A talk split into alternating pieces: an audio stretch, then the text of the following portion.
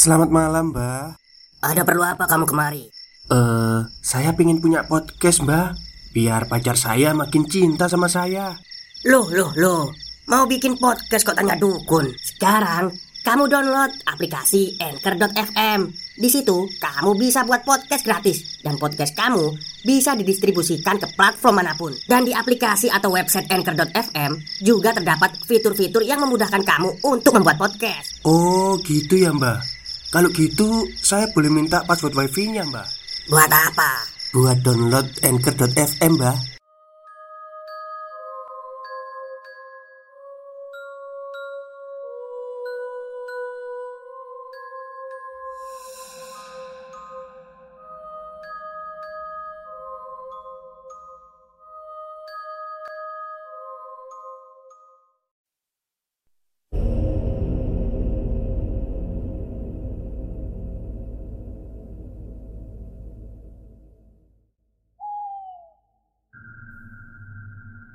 Assalamualaikum warahmatullahi wabarakatuh. Halo semuanya, jumpa lagi dengan saya Chow Sing Sing Kurator dari podcast Horror Night Story. Halo apa kabar semuanya, semoga kalian semua baik-baik saja ya. Dan seperti biasanya pada siang hari ini saya kembali Dan akan menghadirkan sebuah kisah mistis untuk kalian semua karena ini bulan-bulan ini ya lagi viral tentang KKN desa penyanyi. Desa penari maksud saya bukan penyanyi. Jadi saya berinisiatif untuk menceritakan hal-hal yang berbau KKN Dan Alhamdulillah saya menemukan di tweetnya Mas Wahidun tentang KKN di uh, di daerah Klaten ya. Oke, Daripada kita berlama-lama, mari kita simak ceritanya. KKN merupakan salah satu kegiatan yang banyak memberikan kenangan ketika kuliah. Namun, bagaimana jika KKN di rumah yang sudah kosong selama 20 tahun? Bayangan untuk menikmati masa mengabdi pada masyarakat ketika KKN malah justru berubah jadi pengalaman seram dan mengerikan. Jadi, sewaktu Zul membetulkan pembatas bambu itu, ada Simba-Simba yang waktu itu pernah aku lihat saat awal KKN dulu. Hari berikutnya, aku makin kepo banget dengan rumah yang aku tempatin itu. Akan tetapi, Aku belum mencoba untuk mencari tahu. Pikirku, ya, ku nikmatin aja lah dulu. Malamnya temanku yang cowok pada nekat untuk tidur di kamar yang sudah dilarang untuk dipakai itu. Dan kejadian aneh pun terjadi di malam selanjutnya. Halo, pada cerita kali ini, saya mau membagikan salah satu pengalaman horor dari salah satu temanku. Sebut saja namanya Siwi. Cerita ini merupakan pengalaman nyata ketika dia sedang menjalankan KKN di salah satu desa di Klaten. Sebelum masuk ke cerita, bolehlah di like dan di retweet dulu. Kalau mau follow juga boleh. Oke, kita masuk ke ceritanya. Perkenalkan, sebut saja namaku Sembul. Aku dulu kuliah di salah satu kampus swasta di daerah istimewa Yogyakarta. Pengalaman ini aku alami ketika menjalani KKN di salah satu desa di daerah Klaten. Untuk nama desa dan nama orang di sini akan saya samarkan. Sebelumnya, saya di sini tidak mempunyai niat untuk menakuti teman-teman semuanya. Yang kuharapkan dari kisahku ini kalian bisa mengambil hikmah serta manfaat dari pengalamanku ini. Pada tanggal 27 tahun 2019 Juli Universitasku mengadakan pembekalan untuk KKN di desa Y Setelah selesai dari acara itu kita langsung melakukan survei lapangan ke desa tersebut. Jarak dari universitas sampai ke desa Y dibilang agak lumayan jauh. Untuk menempuh perjalanannya membutuhkan waktu sekitar 2 sampai 3 jam. Sesampainya kita di desa Y, kita langsung menuju ke rumah Pak RT.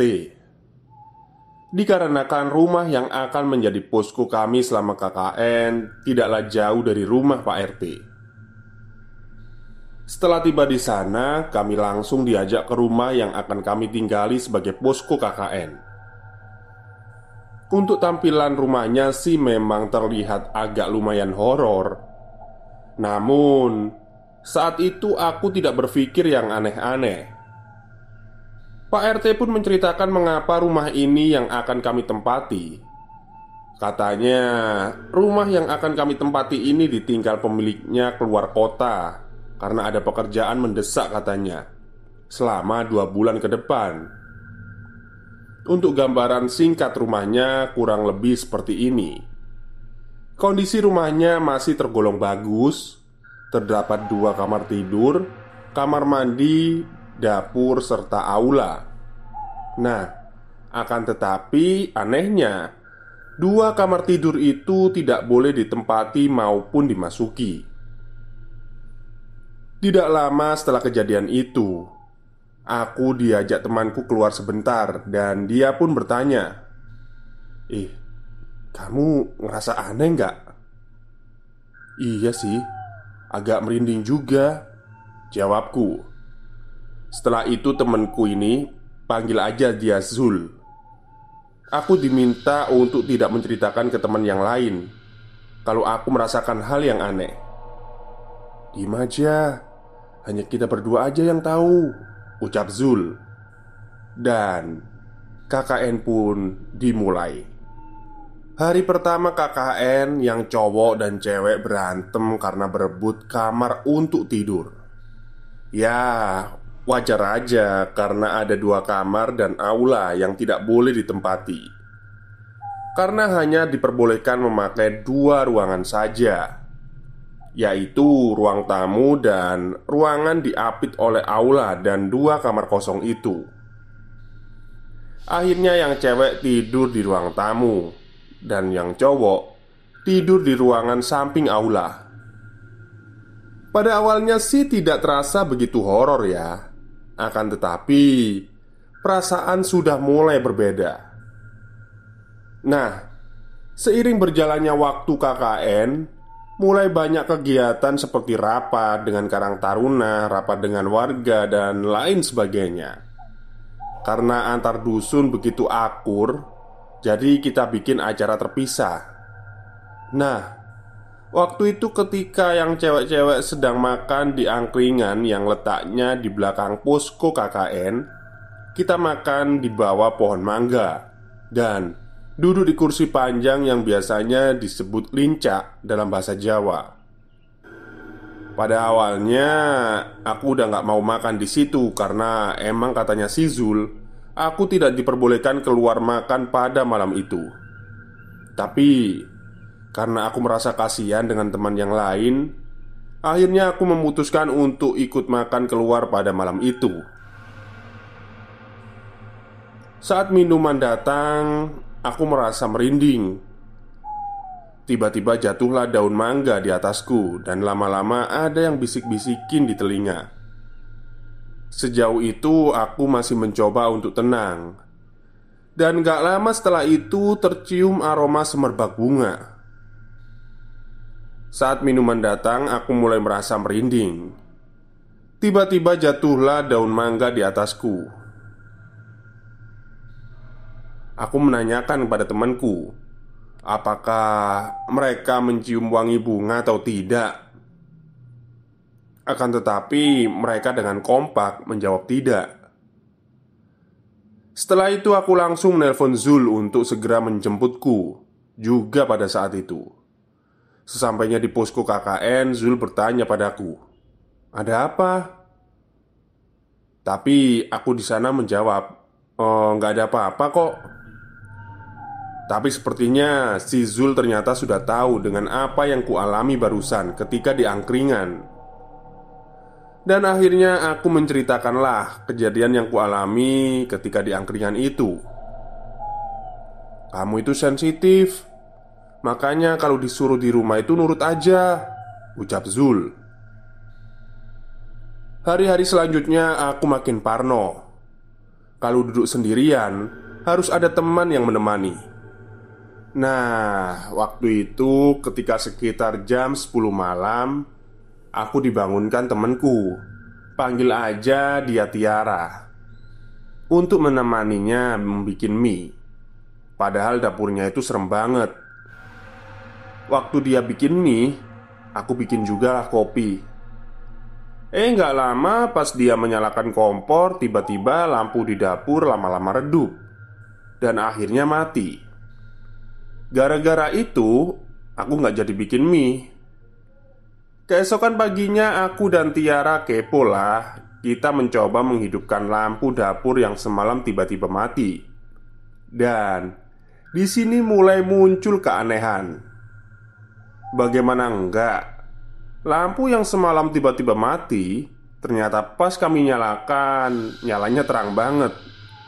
Nah, Terus malamnya aku ngajak Zul untuk keluar sekaligus rapat di kecamatan Waktu pulangnya mampirlah kita ke angkringan sekalian Menceritakan kejadian aneh yang dialami selama di posko Karena kalau cerita di posko takutnya nanti teman-teman pada ikutan takut Saat itu aku menceritakan kejadian aneh sewaktu bikin mie dengan Tiara Dan si Zul juga menceritakan kalau semalam dia tidur cepat karena katanya dia melihat ada simba-simba yang duduk di teras sendirian. Stop, stop, kita break sebentar. Jadi, gimana? Kalian pengen punya podcast seperti saya? Jangan pakai dukun, pakai anchor, download sekarang juga gratis. Tidak lama, tiba-tiba ada yang melempar batu disertai angin yang kenceng banget. Padahal awalnya nggak tahu apa-apa. Akhirnya, si Zul mengajakku pulang ke posko. Dan di saat perjalanan pulang menuju posko, dia ngomong, "Besok kalau mau cerita-cerita, jangan malam hari, mending siang aja." Soalnya kayaknya ada yang ngikutin kita. Ngomong-ngomong, Lampu yang ada di dapur itu memang sedikit aneh Kalau waktu malam mati Sedangkan untuk waktu siang normal-normal aja Padahal sudah diganti loh Selama tiga kali Harusnya nggak ada masalah dong Kata Zul Beberapa hari kemudian ada acara rapat dusun Dan pada hari itu juga bertepatan dengan waktu mengirimkan data ke DPL Mau tidak mau harus ada yang tinggal di posko untuk menyelesaikan tugas itu. Yang pada akhirnya aku dan temanku sebut saja namanya Dea yang mengerjakan tugas itu. Pada malam itu terasa tidak seperti biasanya. Biasanya di sekitar posko itu selalu ramai dan lalu lalang orang. Entah mengapa Malam itu terasa aneh. Namun kami tetap stay Walaupun lama-lama merinding juga. Tidak lama setelah itu Dea memutar lagu solawatan Dan tiba-tiba Ngajak ke dapur untuk mengambil minum. Saat itu aku bilang Nanti aja ya sekalian nunggu teman-teman yang lain balik dulu Tiba-tiba Pak RT lewat dari jalan samping posko Beliau menyapa kami dan sekaligus bertanya, "Loh, kok cuma berdua, Mbak?" Terus dijawab sama Dea, "Eh iya, Pak. Kita sedang menyelesaikan tugas." Tanpa berhenti dan mampir singgah, Pak RT langsung pergi begitu saja setelah menyapa kami malam itu. Aku pun langsung ngomong ke Dea, "Tumben ya, Pak RT nggak mampir." Terus aku berpikir Mungkin karena di posko tidak ada anak cowok Makanya Pak RT langsung pergi begitu saja tanpa mampir terlebih dahulu Tak berselang lama, Pak RT mengirimkan foto ke HP Dea, dan betapa terkejutnya kami berdua. Ternyata di belakang kami duduk waktu itu ada semacam kepulan asap, dan pada saat itu tidak ada yang sedang membakar sampah ataupun merokok. Setelah melihat kejanggalan itu, aku dan Dea Cuma membaca ayat kursi sembari menunggu teman yang lain balik ke pusku Tak berselang lama temanku sudah pada baliklah ke pusku Dan pada saat itu juga mereka disuruh si Zul Untuk duduk di sampingku. Setelah itu kepulan asap yang tadinya samar Malah menjadi lebih jelas lagi. Setelah melihat kejanggalan itu Si Zul segera memberitahu teman-teman yang cowok dan menyuruh anak perempuan untuk segera masuk ke kamar dan tidur. Hari selanjutnya, ya lebih tepatnya beberapa hari menjelang KKN usai, aku diajak si Zul dan dia pun menceritakan apa yang selama ini dia alami selama KKN. Akan tetapi responku yang biasa-biasa aja walaupun agak sedikit merinding. Singkat cerita, pas waktu sudah sampai di posko, kami mau mandi tuh. Akan tetapi, aula dan kamar mandi bersebelahan dan hanya dibatasi oleh pembatas bambu. Pada saat itu, pembatas bambunya terbuka. Saat itu, aku manggil si Zul untuk memperbaikinya, dan setelah selesai diperbaiki, aku pun segera bergegas untuk mandi. Setelah aku selesai mandi, Si Zul memanggilku dan ngomong Besok mandi di kamar mandi yang ada di depan aja ya Alias kamar mandi milik warga Setelah mendengar itu aku langsung nanya ke si Zul. Emangnya kenapa? Jadi Ternyata pas si Zul membetulkan pembatas bambu itu Tanah samping udaranya sedikit berbeda di sana. Dan ada pula Mbah-mbah yang dulu pernah kulihat ketika awal KKN Hari berikutnya aku makin kepo banget dengan rumah yang aku tempatin itu Akan tetapi Aku belum mencoba untuk mencari tahu. Pikirku ya aku nikmatin aja lah dulu. Malamnya Temanku yang cowok pada nekat tidur di kamar yang sudah dilarang untuk dipakai itu. Lama-kelamaan mereka mulai ngelunjak. Mulai melanggar aturan dan larangan yang sudah disampaikan sewaktu awal KKN dulu Tadinya temanku yang cewek juga masuk ke aula yang semula tidak boleh dimasuki. Dengan alasan hanya sebatas kepo saja. Aula kok nggak boleh dimasukin? Ucapnya. Dua hari kemudian Temanku yang cowok yang kemarin sempat tidur di kamar yang dilarang untuk dimasukin itu Pas ketika dia tidur di luar ruangan itu tiba-tiba ditarik ke dalam kamar itu Kejadiannya mirip sekali dengan adegan-adegan horor. Setelah kejadian itu si Zul pun mengajakku keluar lagi Dia nanya Waduh, udah ada korban nih Lalu ku jawab Ya mau gimana lagi dan pas itu si Zul baru bilang Sebenarnya posko KKN kita itu diapit oleh tanah suci Terus aku pun bertanya Apaan sih tanah suci?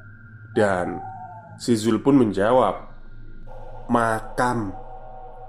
Udahlah, besok aja aku kasih tahu Ucapnya.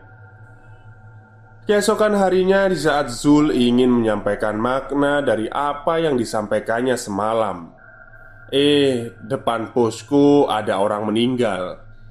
Pikirku kok pas banget ya Dan pada akhirnya hari itu kita membantu tetangga depan rumah sampai sore hari dan sampai ke pemakaman Akhirnya terjawablah rasa penasaranku Tentang apa yang dimaksud dengan diampit oleh tanah suci Yang membuatku heran Malamnya di sebelah makam malah ada acara dangdutan. Padahal pada umumnya setelah ada orang meninggal harusnya kan diajak diadakan acara tahlilan. Eh di sini malah acara dangdutan. Keesokan harinya, anak dari pemilik angkringan belakang posko melahirkan dan malamnya ada dangdutan juga. Memang aneh sih. Tapi katanya memang tradisi di sini seperti itu. Dan waktu acara dangdutan tadi ada ibu yang menyuruhku main ke rumahnya besok pagi. Keesokan harinya sekitar jam 6 pagi, aku jalan ke rumah ibu yang semalam menyuruhku ke rumahnya. Pas waktu di rumah ibu itu aku ditanyain begini Mbak, mbak nggak aneh gitu pas tinggal di rumah itu? Tanya ibunya Lantas langsung ku jawab Hehe, ya lumayan aneh sih bu Lalu aku bertanya lagi pada ibu itu Sebenarnya ada apa sih bu? Mau ibu ceritain? Ucap ibu itu dan pada akhirnya ibu itu menceritakannya Dan terungkaplah kebenaran yang membuatku tercengang Ternyata rumah yang menjadi posko KKN kami itu adalah rumah yang sudah lama kosong Kurang lebih sudah kosong selama 20 tahun Yang dulunya milik Simba siapa gitu. Terus anaknya yang menempati rumah itu tinggal dengan istrinya. Dan selama ini Rumah itu dibiarkan kosong. Lah, kata Pak RT rumah itu ditinggal yang punya selama dua bulan bu. Makanya kita tinggal di situ Ucapku pada ibu itu. Kalian itu dibohongi mbak. Ya wajar aja apabila kalian merasakan hal yang aneh ketika tinggal di rumah itu Oh iya, kemarin temannya mbak ada yang sakit kan? Mungkin itu karena yang punya rumah nggak terima. Kalau mbak dan teman-temannya mengusik ruangan yang nggak boleh ditempatin. Ucap ibu itu. Pada saat itu aku hanya bisa menelan ludah Mendengarkan penjelasan dari ibu itu. Selanjutnya ibu itu menyuruhku untuk pergi ke rumah ibu yang punya angkringan di belakang posko KKN kami Aku disuruh menanyakan ke sana saja Karena rumah yang kita tempati itu dititipkan ke ibu pemilik angkringan setelah selesai berbincang, aku pulanglah ke posko dan mengajak Zul untuk pergi ke rumah ibu yang punya angkringan. Ternyata benar, rumah itu sudah kosong selama 20 tahun. Dan temanku yang jadi korban itu disuruh minta maaf ke makam karena sudah melanggar aturan yang sudah dibuat sebelumnya. Malamnya kita di posko melaksanakan evaluasi sebentar Dan si Zul memberitahu Bahwa besok kita akan ke makam. Di situ kagetlah teman-teman. Namun si Zul hanya menjawab Nggak apa-apa kok Cuma silaturahmi Ucap Zul kala itu Setelah evaluasi pada malam itu Anak cowok pada pergi entah ke mana Dan tinggal anak cewek aja yang tinggal di posko ada yang masuk ke kamar, ada yang juga di luar. Ya, menikmati masa-masa akan berakhirnya KKN. Pada malam itu, kita cerita tuh di luar sambil main Uno. Tak lama, tiba-tiba kursi yang ada di depan bergerak dengan sendirinya. Akhirnya, kita memutuskan untuk masuk ke kamar. Nah, temanku menyuruh anak cowok untuk segera pulang ke posko dan tak berselang lama, mereka sudah pulang. Di saat mereka pulang ke posko, mereka bertanya, "Kenapa sih kok disuruh pulang?" Dan pada akhirnya diceritakanlah apa yang terjadi pada temanku. Di saat aku mau tidur, si Zul chat aku dan bilang bahwa tadi ada Simba di kursi. Katanya dia merasa terganggu mendengar kalian pada berbisik. Dan aku hanya menjawab, "Ya udahlah, berarti firasatku benar." Sore di hari berikutnya kita pergi ke makam dan setelah pulang dari makam, kita kumpul di tempat ibu yang punya angkringan. Di sana, ibu itu menceritakan semuanya ke teman-teman bahwa rumah yang kita jadikan posko KKN itu sudah tidak ditempatin selama kurang lebih 20 tahun. Akan tetapi sampai sekarang masih dijaga oleh Simbah itu. Makanya Banyak peraturan pas kita nginep di sana Dan jika kita melanggar Maka akan digangguin terus. Dan ternyata ibu tahu Semua yang kita alami di situ. Nah Semua itu benar apa adanya. Ternyata yang selama ini diikuti memang benar aku. Makanya Aku sering pergi duluan kalau tempatnya dirasa tidak nyaman.